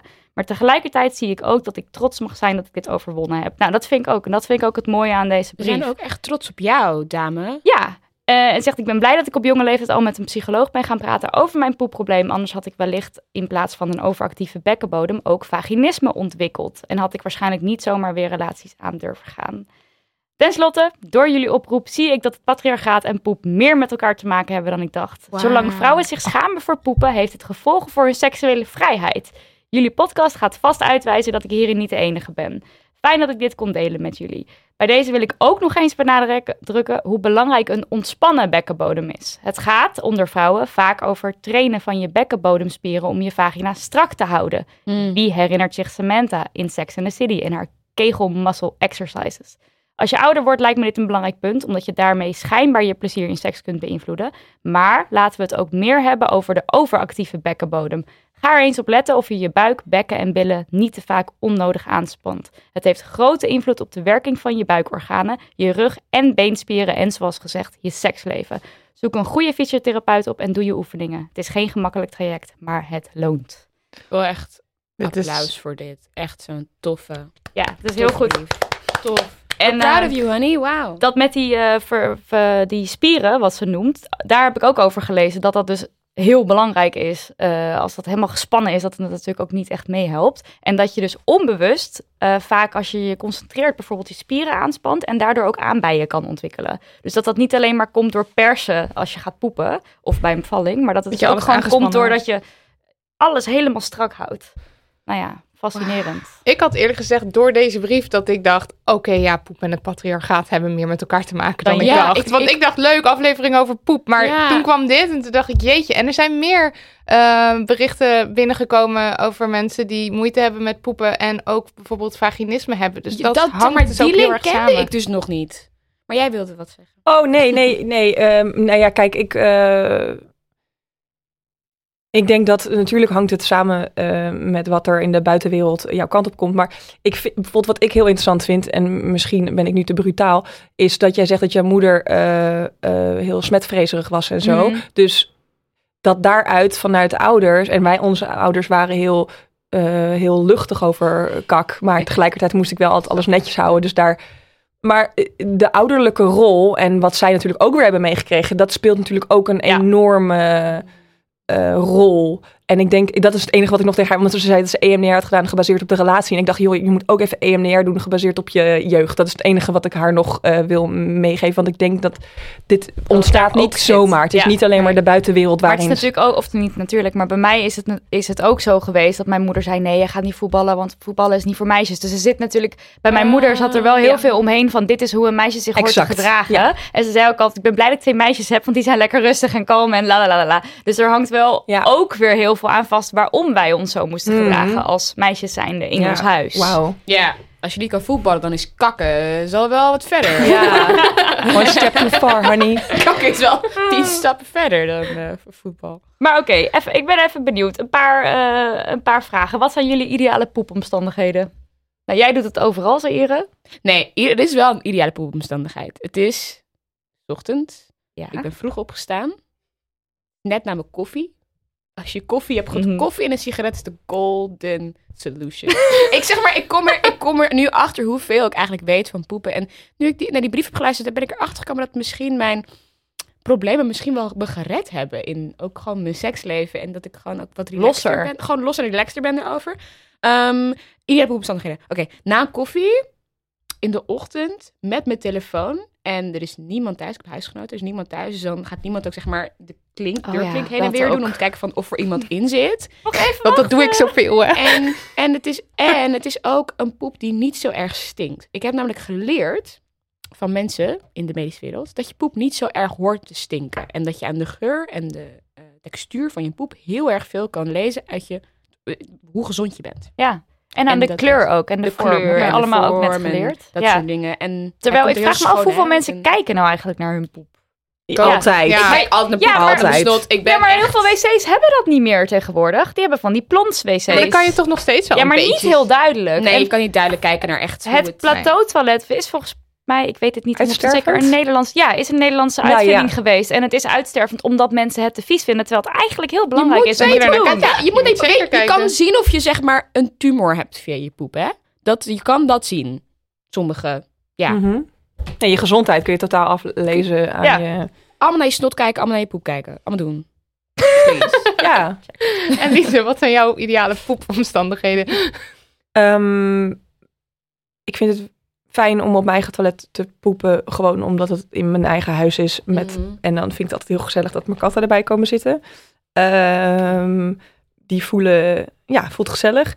Eh, maar ik ben een hele snelle poeper. Dus, eh, dus het, het duurt allemaal nooit zo Geen lang. telefoon erbij. Nee, dat hoeft helemaal niet, joh. Het schiet er gewoon uit. Ehm, ja. Super gezond. Ja. Ik ben niet zo. Ik, heb, ik ben echt altijd gewoon even een momentje met mij en mijn... Nee, ik, nee, nee, ik, ik, ik- ook vaak dat probleem wat jij zegt, als ik te lang weg ben, dan denk ik dat ik gepoept heb, dat mensen vragen altijd, Hé, heb je nu al gepoept? Zeg maar, dat is mijn... Wat Maar Lydia, ik heb dit altijd bij jou hoor. Want jij zegt heel vaak, ik moet even poepen. En dan ben je echt in, echt in een flits ben je weer terug. Ja, maar kijk, ik heb dus ik heb heel veel poepschaamte opzij gezet. Toen ik net bij Marilotte kwam wonen, toen zat haar kamer tegenover de wc. Dat was voor mij echt, Hel. echt de fucking hel. Maar gelukkig was het al Dat is redelijk ook een snel kans, zo. hè? is een kans. Nou, het was al snel dat jij zei van, ehm, eh, ik moet poepen, dus de, de, de deuren moeten dicht of zo. En daardoor ging ik dat ook zeggen en werd het steeds luchtiger en relaxter. Dus nu, als ik moet poepen, kan ik gewoon zeggen tegen jou, ik moet poepen. En dan kan ik, dan kan ik heel snel poepen. Maar op het moment dat je dus niet gaat, want la la la la, dan kan het dan, natuurlijk wordt het, dan duurt het heel lang. Ja. Oh ja. Ik vind het ook lekker om met de deur open te poepen. Ja, ik, eh, Ja, ja, ik gewoon... ook. eh, Ik ben niet zo'n deur poeper. Mijn moeder... Jouw moeder. Wel. Die komt echt... Wanneer mijn- komt jouw moeder in de uitzending? hier? Mijn, mijn moeder... echt- Wel haar. Ik weet nog dat mijn moeder is dus heel erg christen. En ik kan me dus heel erg duidelijk herinneren dat ik als klein meisje zei tegen mijn moeder... Mam, het komt er niet uit. En dat ze naast me ging zitten in de, in de wc. En voor mij dat we samen ging bidden. Oh. En, Oh. en, en dat ik dan ook zo, zo ging, ging drukken en dat toen eruit kwam, zei ze, yay! Dan, Oh, dan had ze gebeden. zo dus dat soort dingen, dus dat, soort dingen dat, dat blijft me wel bij. Als Dat klinkt als de oh, ideale poepomstandigheid. Ja, van je moeder die ernaast zit. Je en moeder- ja, Pray Heere poop. God, eh, we bidden dat deze poep er gewoon heel schoon en makkelijk uitkomt. En dat er geen zijn. Het is gewoon één gezonde drol is. Oh, er is En- trouwens er is een foto van mij dat ik voor het eerst op het potje gepoept heb. En dat mijn moeder er dus een vlaggetje in gestoken heeft. Dit klinkt als ideale Dit- omstandigheden. Maar dit spreekt het ook weer helemaal tegen met hoe het later dan weer was. Wat, wat ra- Misschien, ik denk dat er is een bepaalde leeftijd. Waarop het nog cute is. Waarop het nog cute is, Ja. inderdaad. Maar als ik nu met mijn moeder zou- toe zou komen en ze zeggen... Mam, ik ben een beetje geconstipeerd. Zou ze volgens mij hetzelfde doen? Komt ze dan ook weer binnend naast je? Nee, ik, niet, ik weet niet of ze... Nou ja, sowieso zijn mijn, mijn familie sowieso ben best wel schaamteloos. Ze komen wel echt de wc binnen. Dus ik moet steeds zeggen, jongens, doe de wc, doe de deur dicht als je aan het poep bent. maar ehm, ik, ik denk wel dat ze hetzelfde zou doen. Ze zou zeggen, ben je moeder? Ik heb alles gezien. Weet je wel? Ze Ja. heeft zoiets van, ik, ja, wat, wat is er nog nieuws aan jou te zien? Ik heb alles, ik heb je kak verschoond. Ja. Ik herinner me trouwens van vroeger vooral, ehm wij, hadden, wij hadden een septic tank. En dat is dan zo'n ding in de grond, waar, want er was geen eh, riolering nog eh, daar in dat dorp. Of tenminste, wij hadden geen riolering daar. Dus we hadden een septic tank en werd eens in de tijd geleegd. Alleen de, de verbinding van de wc naar die septic tank was een soort van, van recht. Dus dat liep niet goed zo. Dus Oh. je moest niet te veel wc. Dat is trouwens nog steeds al zo dat het allemaal niet zo lekker werkt eh, bij mijn ouders thuis. Maar je moest dus niet te, sowieso niet te veel wc-papier erin doen. Maar als je drol te groot was, was het soms ook een probleem. Oh, Dat is dus En ik- echt maar. dit maar is ja, maar, Is je nachtmerrie, hè? Maar Maar ik het heeft het wel sterk gemaakt. Het heeft er sterk maar ik gemaakt. herinner me dus nog wel dat mijn vader soms de- echt een hele dag rood en bezweet bezig was om de boel te ontstoppen. En dan was het ook, en meestal was het dan, nou, Lotte die eh, heeft weer zeker, nou, ik zag die drol, zag ik vandaag. ja. Dit heeft mij wel echt gescarred for life, hoor. Oh, wat er... Oh. Ja, er is er gelijk schuld en schaamte Ja. in, en ik, ik, want het is een paar keer voorgekomen. En dan meestal was het door te veel wc-papier. En mijn zusje en ik gebruikten wel veel wc-papier. Want je, weet niet, je wil zo... Ik weet niet, ja, dat doe je. Eh, want Dat vies- doet de mens. Dat doet de mens, Shumi. Maar het was dan meestal werden er grappen gemaakt over gigantische drollen die dan langskwamen. En dat was gewoon, ja, niet ideaal voor een puber. Zijn jullie wc-papiergebruikers of bidetgebruikers? Ik wou net, ik zat er net aan te denken. Ik, ja, eh, ik, was, ik zat hier ook aan te denken. ja. Mm, ik vind, eh, ik heb, was mm, op vakantie in Azië waar de bidet going strong is. En dat was echt, eh, vond ik eigenlijk heel fijn. Ja, het Echt schijnt heel veel beter fijn. te zijn ook. hè? Oké, eh, een paar... Few things. Ehm in. Love, love, be dead.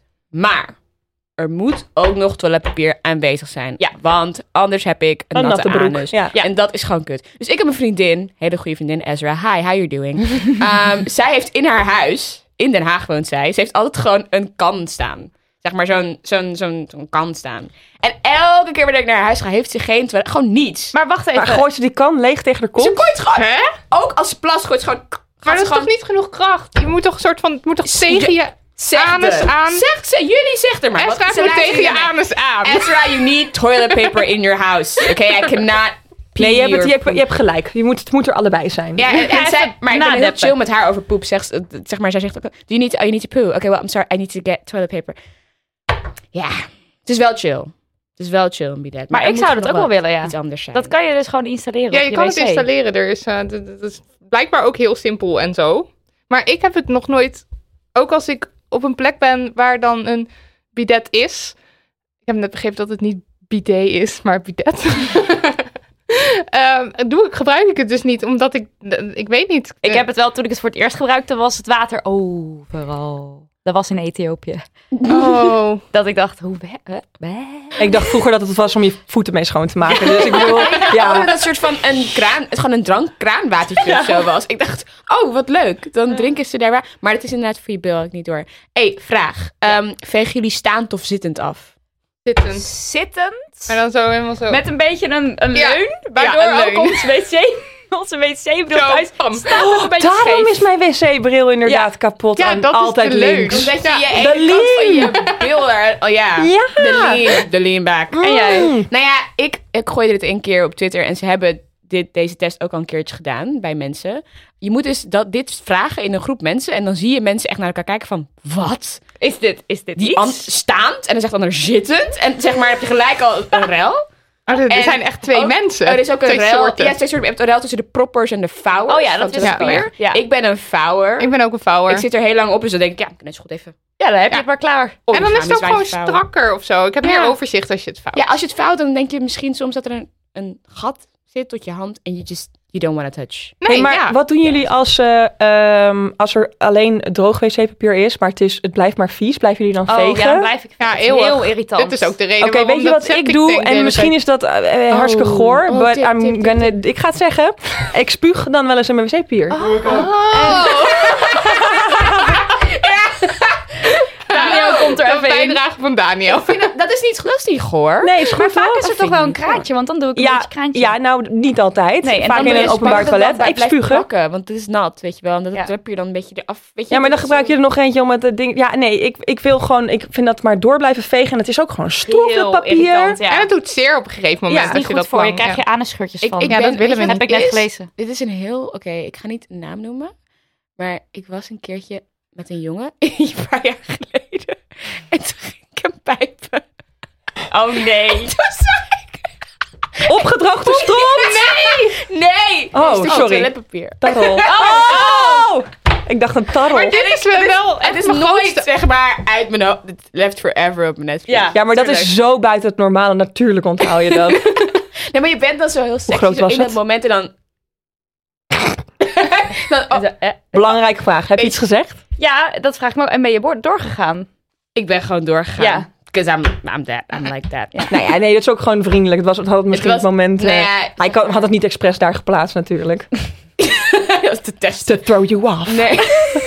Kijk of See how focused she really is. Nee, nee, nee, nee. Nee, maar eh, nee, ik was toen, ik was toen, dat was voor mijn, mijn sexual awakening. Dus toen liet ik inderdaad, zoals dat meisje liet zien, liet ik ook maar gewoon alles over me heen komen. Ik heb bij hem ook niet gekakt.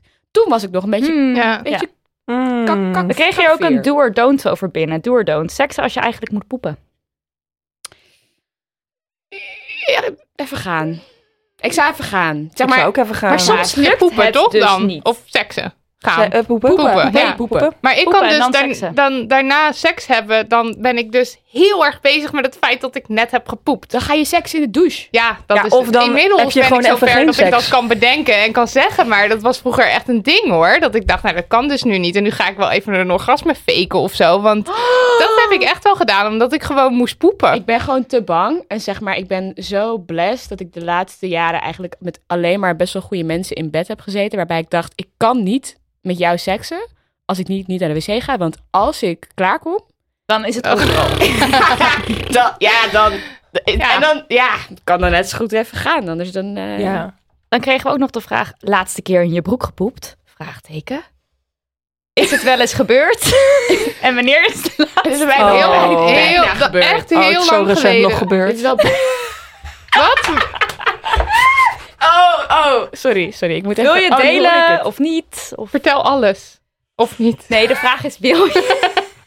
Maar Nou, het, was, het gaat heel veel gênants aan voort. Eh, en ik had ook bedacht dat ik dit verhaal niet aan veel Nooit. mensen ging vertellen. Maar nu vertel je ja. het aan duizenden mensen. Ik heb heel veel Uh, let's verteld go.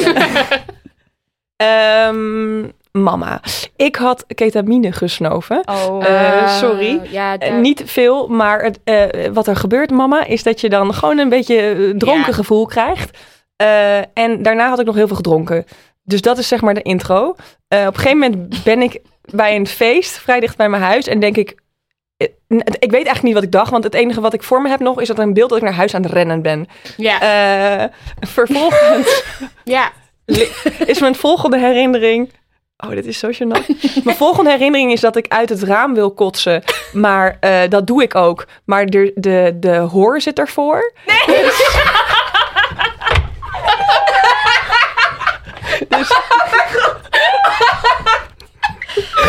Oh, deze visual was zeg maar... Ik was die soort van half er doorheen gaat. maar- Ja.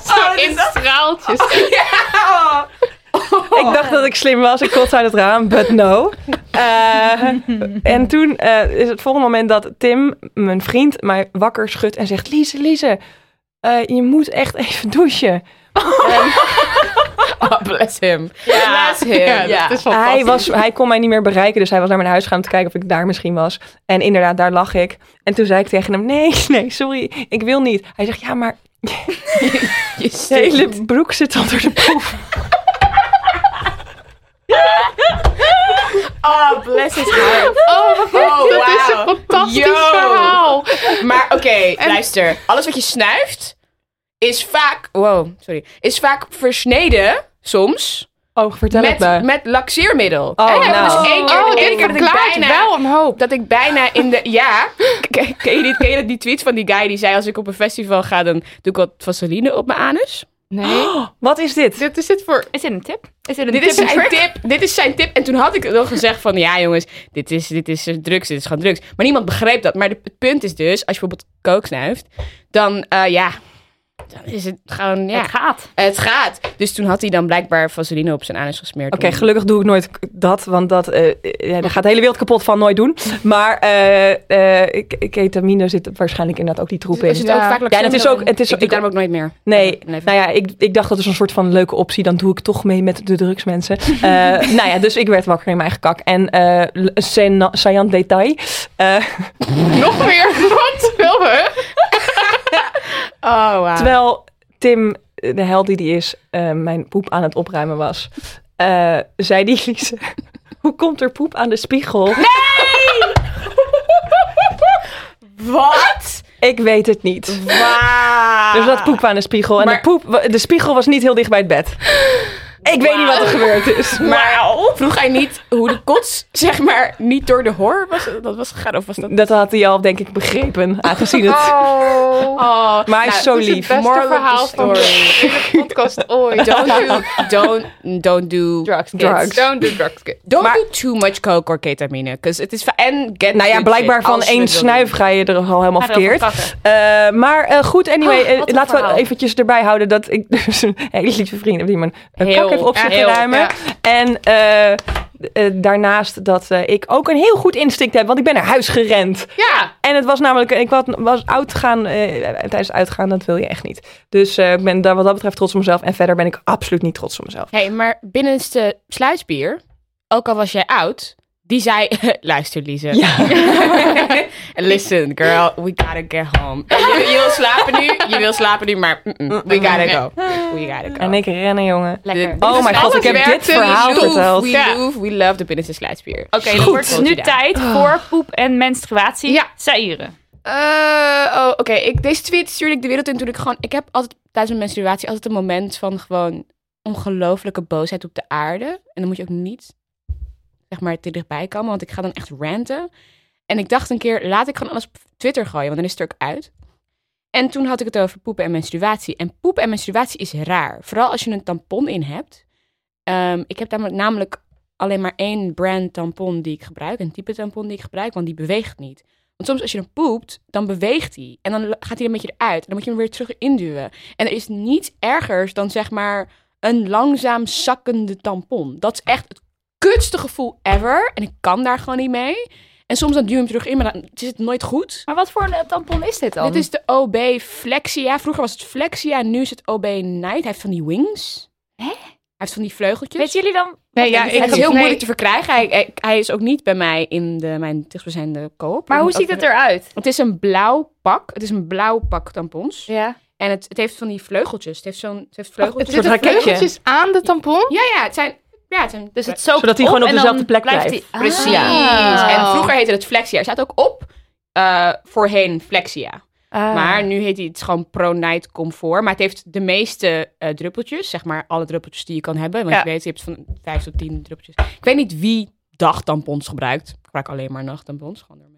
Ja, ik ook. Of Menstruatie. tenminste, ik gebruik ze nu niet meer, maar ik gebruik altijd die allergrootste. Ja. ja. Ik gebruik nu eigenlijk juist omdat ik gewoon normaal wil kakken zonder te, zeg maar het draadje even Oh ja, ik aan vind de zijkant echt te houden. Poepen terwijl je een tampon echt... Dat ik Nog. neem ik eigenlijk gewoon alleen maar alleen als ik sport een tampon, want anders dan zie je die maandverband te veel. Als het echt als ik echt iets wits aan heb, dan denk ik oké, het is misschien wel chill om alleen een tampon aan te doen, want anders dan Mhm. of iets doorschijnends of zo. Maar als het gewoon kan, gewoon een maandverband, want dan kan ik gewoon normaal alles er gewoon uit. Ja. Ja. Is gewoon vloeien. En het voelt raar, want zeg maar, de spieren die krampen als je menstrueert, dat zijn eigenlijk dezelfde spieren die je gebruikt om te kakken. En op dat moment dat je wil kakken, voel je opeens hoeveel spieren er in die area zijn, die bezig zijn, die normaliter gewoon chill zijn, maar die nu gewoon helemaal aan het verkrampen zijn. En aan de ene kant is het ook wel een mooi moment van, wow, er is zoveel complexe shit gaande daar beneden en ik ben er zo blij mee. Maar nu gewoon, het moet nu relaxen, want als het verkrampt, dan is het moeilijk om los te laten. Dat is eigenlijk Maar, weer... want eh, ik, zag, ik zat een beetje te kijken naar die, naar die reacties eronder. En het waren eigenlijk ook wel weer twee kampmensen. Het is of een beetje een soort van totale uitverkoop, diarree en alles komt eruit. Mhm. of, er, of het lukt niet. Dat was... ja, eh, ik ben meer van de het lukt niet en dan opeens Alles. wel. Ja, ik ben, ik ben van dat kamp. Jij hebt er hier even op ingelezen, Ja, ik heb toch? me hier even op ingelezen, want eh, mensen, mensen hebben, vrouwen, me- nee, mensen die menstrueren, hebben eh, last van dia- diarree veel als ze, ehm, als ze ongesteld zijn. Ehm, en dat komt dus blijkbaar door de prostaglandine. Dat is een soort hormoonachtige stof die eh, eh, werkzaam is eh, als het gaat om het vernauwen en verwijden van bloedvaten. En ehm, omdat tijdens de menstruatie zit je hele baarmoederwand vol met die prostaglandine. En die komen ook in de bloedbaan terecht. En die zijn ook gewoon werkzaam op echt al het, al het wekendeel daaronder. Dus je darmen gaan daar ook gewoon heel erg manisch van samentrekken. En daarom eh, gaat het, er gewoon, ja, het gaat gewoon te, te snel erdoor. Tenminste, dat is wat ik er nu van begreep. Dus is het logisch dat je diarree Het is hebt logisch dat je ja. diarree hebt, want het, het werkt, het zit gewoon zowel je voortplantingsstelsel als je, als je verteringsstelsel, dat, dat, dat grijpt op elkaar in. Het doet, het doet bij mij gewoon pijn om te poepen. Omdat ik zeg maar die spieren die pijn doen gewoon weer moet gebruiken. En er was iemand, iemand die zei iets. En ik moest daar heel erg hard op lachen. Want ik herkende dat die zei... Ja, en die soort van random... Op, zeg maar willekeurige random soort van anusspasmus of zo. Dat je opeens pijn hebt aan je anus als je menstrueert. Heel raar. Gevoelig, ja. Ja, Ik heb alles het niet. gevoelig. Heb je het niet? Nee, ik verbaas me hierover. Echt, zeg maar, Maar dat komt dan waarschijnlijk omdat alles samentrekt en dan gaat gewoon Ja. de hele area mee. dat is gewoon Ja. dat je opeens denkt van, oh shit. Pijn Ja, bleh. anus. Maar ook gewoon heel veel lucht vasthouden en zo. Oh, Scheten ja, en weet ik veel. Ik vind het echt de hel. De eerste drie dagen van, eh, twee dagen denk ik menstruatie. Ik vind het echt de hel. Het is zo pijnlijk allemaal. Je zou denken dat wij dan als met deze kennis, dat wij als vrouwen sowieso wat luchtiger eigenlijk om zouden moeten gaan met Ja, elkaar. Want dat Aangezien betekent dus dat we sowieso één keer in de maand allemaal gezeik, en Gezeik hebben. hebben. Ja. Maar ja, Ja. ja, Mag ik even plassen? Tuurlijk. Ja. Je mag ook even poepen. Ik ga mijn best. Work it.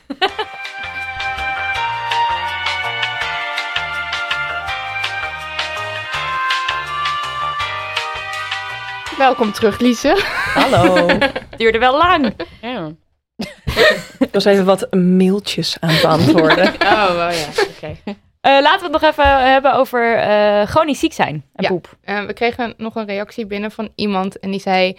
Ik wil even zeggen dat ik de ziekte van Crohn heb en mega struggle met vrouw zijn, inclusief een dark darmziekte hebben. Want vrouwen mogen niet poepen, dus een darmziekte kan al helemaal niet. En dat vind ik kut shit.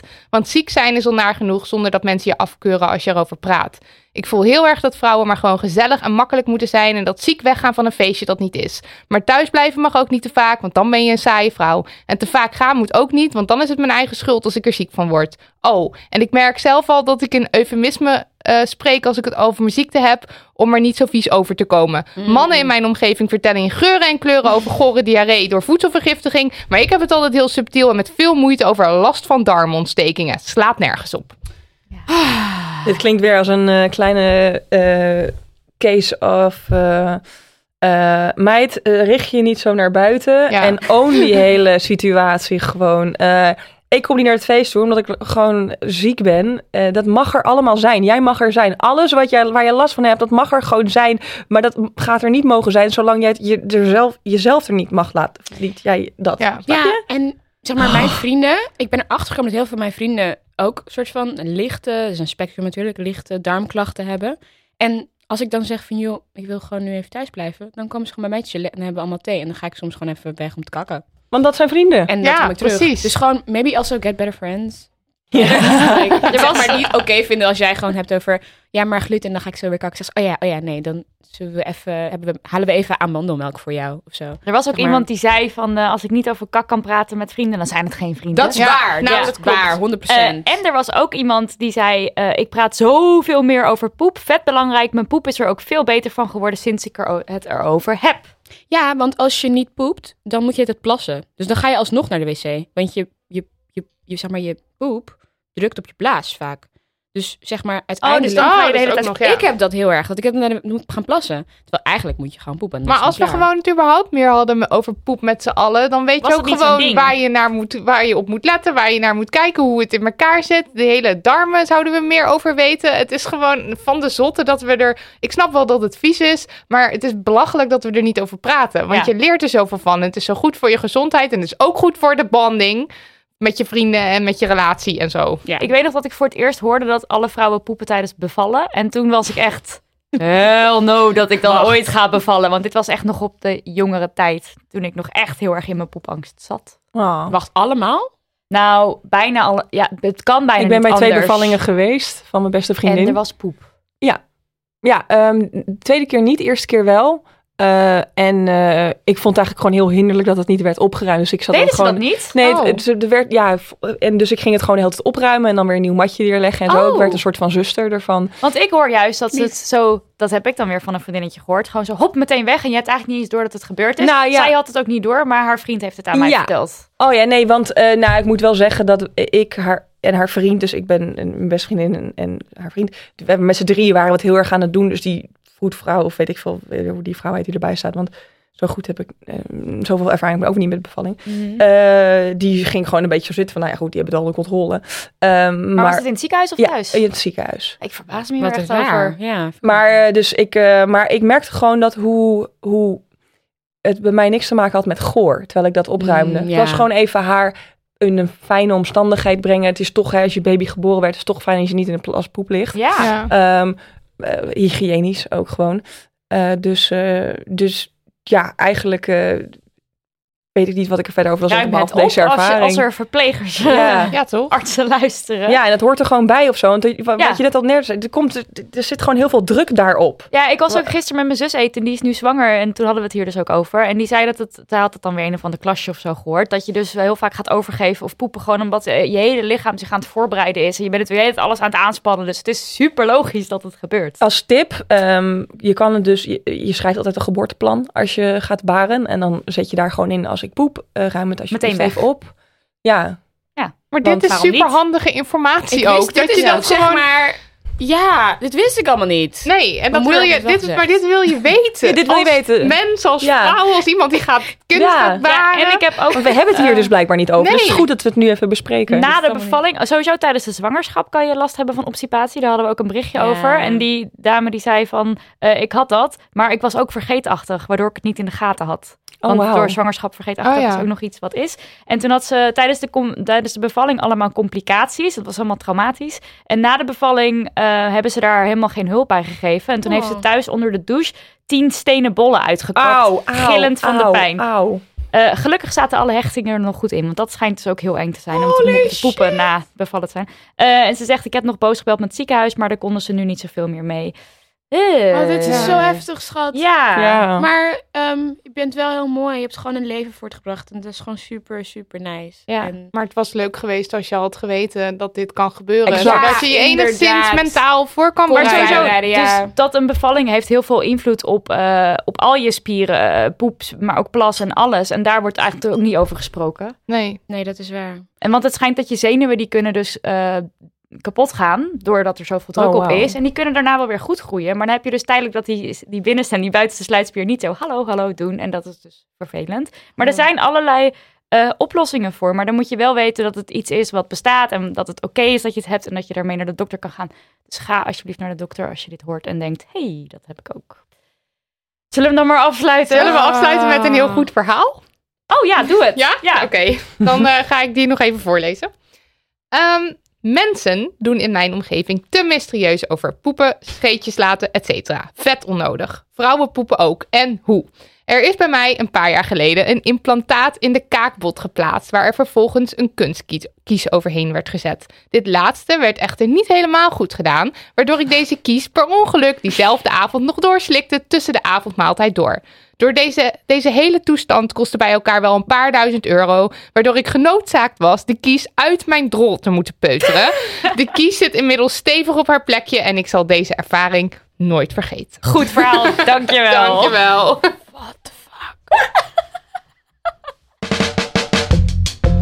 om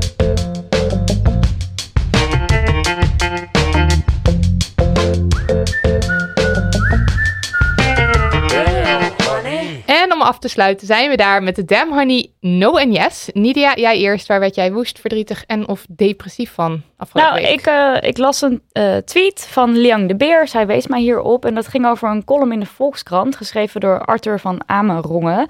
Ehm, en ehm, als titel stond er boven... eh, met hun zonwerende kleding leken de heliofobe Chinezen op een kruising tussen imkers en boerkadragers. En het is gewoon één grote racistische bende eh, richting eh, mensen, eh, Chinezen en Chinese Nederlanders. En wat Liang daar heel terecht over zegt is... Chinese en Chinese Nederlanders blijven aangeschoten wild in het Nederlandse medialandschap. Blijkbaar is het oké om ongebreideld grappen en clichés te lanceren. Pad natuurlijk geëffend door Ik hou van Holland en Gordon. En dat, dat is zo frustrerend dat het... En kut en alles, dat je gewoon zo'n column kan schrijven... in de waar- Volkskrant ook, ja, hè? in de Volkskrant. En het ging dan over dat hij over een brug liep, waar hij in 1980 nog moederziel alleen liep. En die dan nu overspoeld was door Chinezen, zoals hij het dan zegt. En dan heeft hij het over een sprinkhanenplaag van bijbelse proporties.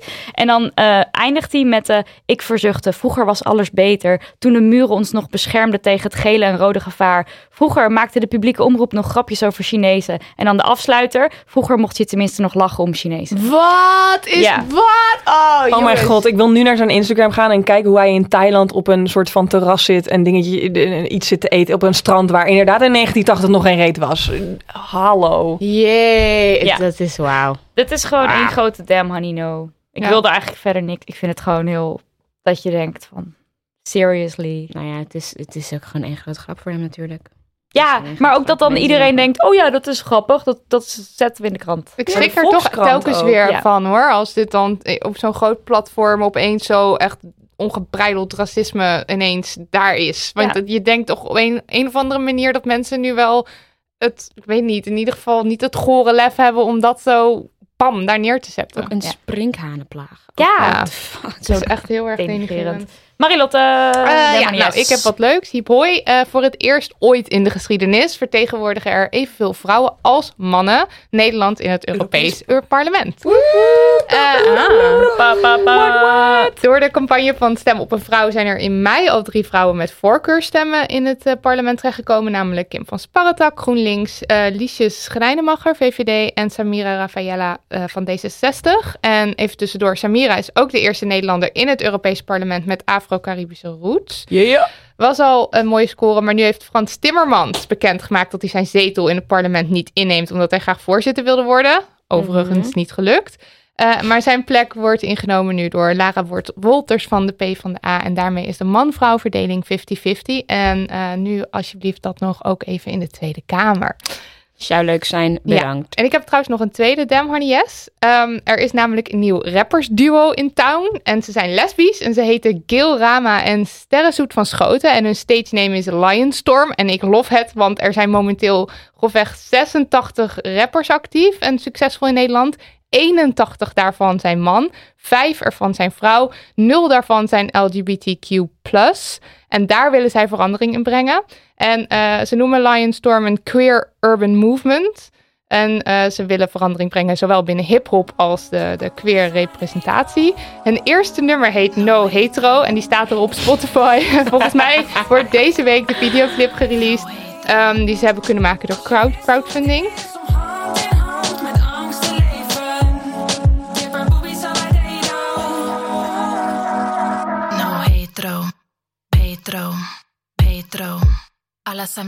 No hetero. Ehm, volg ze ook vooral op Instagram. Dat is eh by Lionstorm. Er zit een, Ja. Tussen by en Lionstorm, Lionstorm zit een Yes. underscore. En ik zet ze ook in de show notes. Ehm, ja, en dan wil ik ook nog eventjes graag van de gelegenheid gebruik maken om te zeggen dat er sinds de eerste van de maand juli een nieuwe verse lijst is bij Damn Honey, de playlist. We hebben elke maand, vullen we die eh, aan opnieuw. Eh, hebben we allemaal muziek van coole vrouwen. Dus eh, zoek hem vooral. Damn is Honey, de lekker, playlist. hoor. Hij is lekker. Damn Honey, de playlist op Spotify. Dit was aflevering 21. Bedankt Saire en bedankt Lise voor al jullie wijze adviezen. En jullie poeppraat. En dank ook aan alle luisteraars voor het insturen van al jullie dilemma's. Keeping us sharp. Bedankt producer boyfriend Daniel van de Poppen en natuurlijk onze swingende jingleman Lucas de Geer. Stuur ons post via ons Instagram-account at damhoneyhetboek of stuur een mail naar info at. En schrijf recensies op iTunes. Niet alleen omdat we ze leuk vinden om te lezen, maar ook omdat het ons helpt hoger in de rang- ranglijsten te kruipen. En dat willen we. En zeg er vooral heel veel shit in die recent. Of juist niet. Zouden we dat ook Nee, weghalen? nee, dat, Oh, zeg geen shit, please. Zeg ik wil dat. Please zeg shit. Oké. Geld geven mag ook uiteraard. Doe een donatie via patreon.com slash damhoney. Of doe het allemaal niet. Zelf weten. Tot over twee weken, lieve drollies. Doeg. Kussens, bedden, matrassen, beddengoed. Emma Sleep heeft het allemaal. Ga naar emma-sleep.nl om van jouw slaapkamer een slaapparadijs te maken. Er is nu moederdag sale gaande met kortingen die oplopen tot wel 50%. Gebruik de code DAMHONEY voor nog eens 10% korting daarbovenop.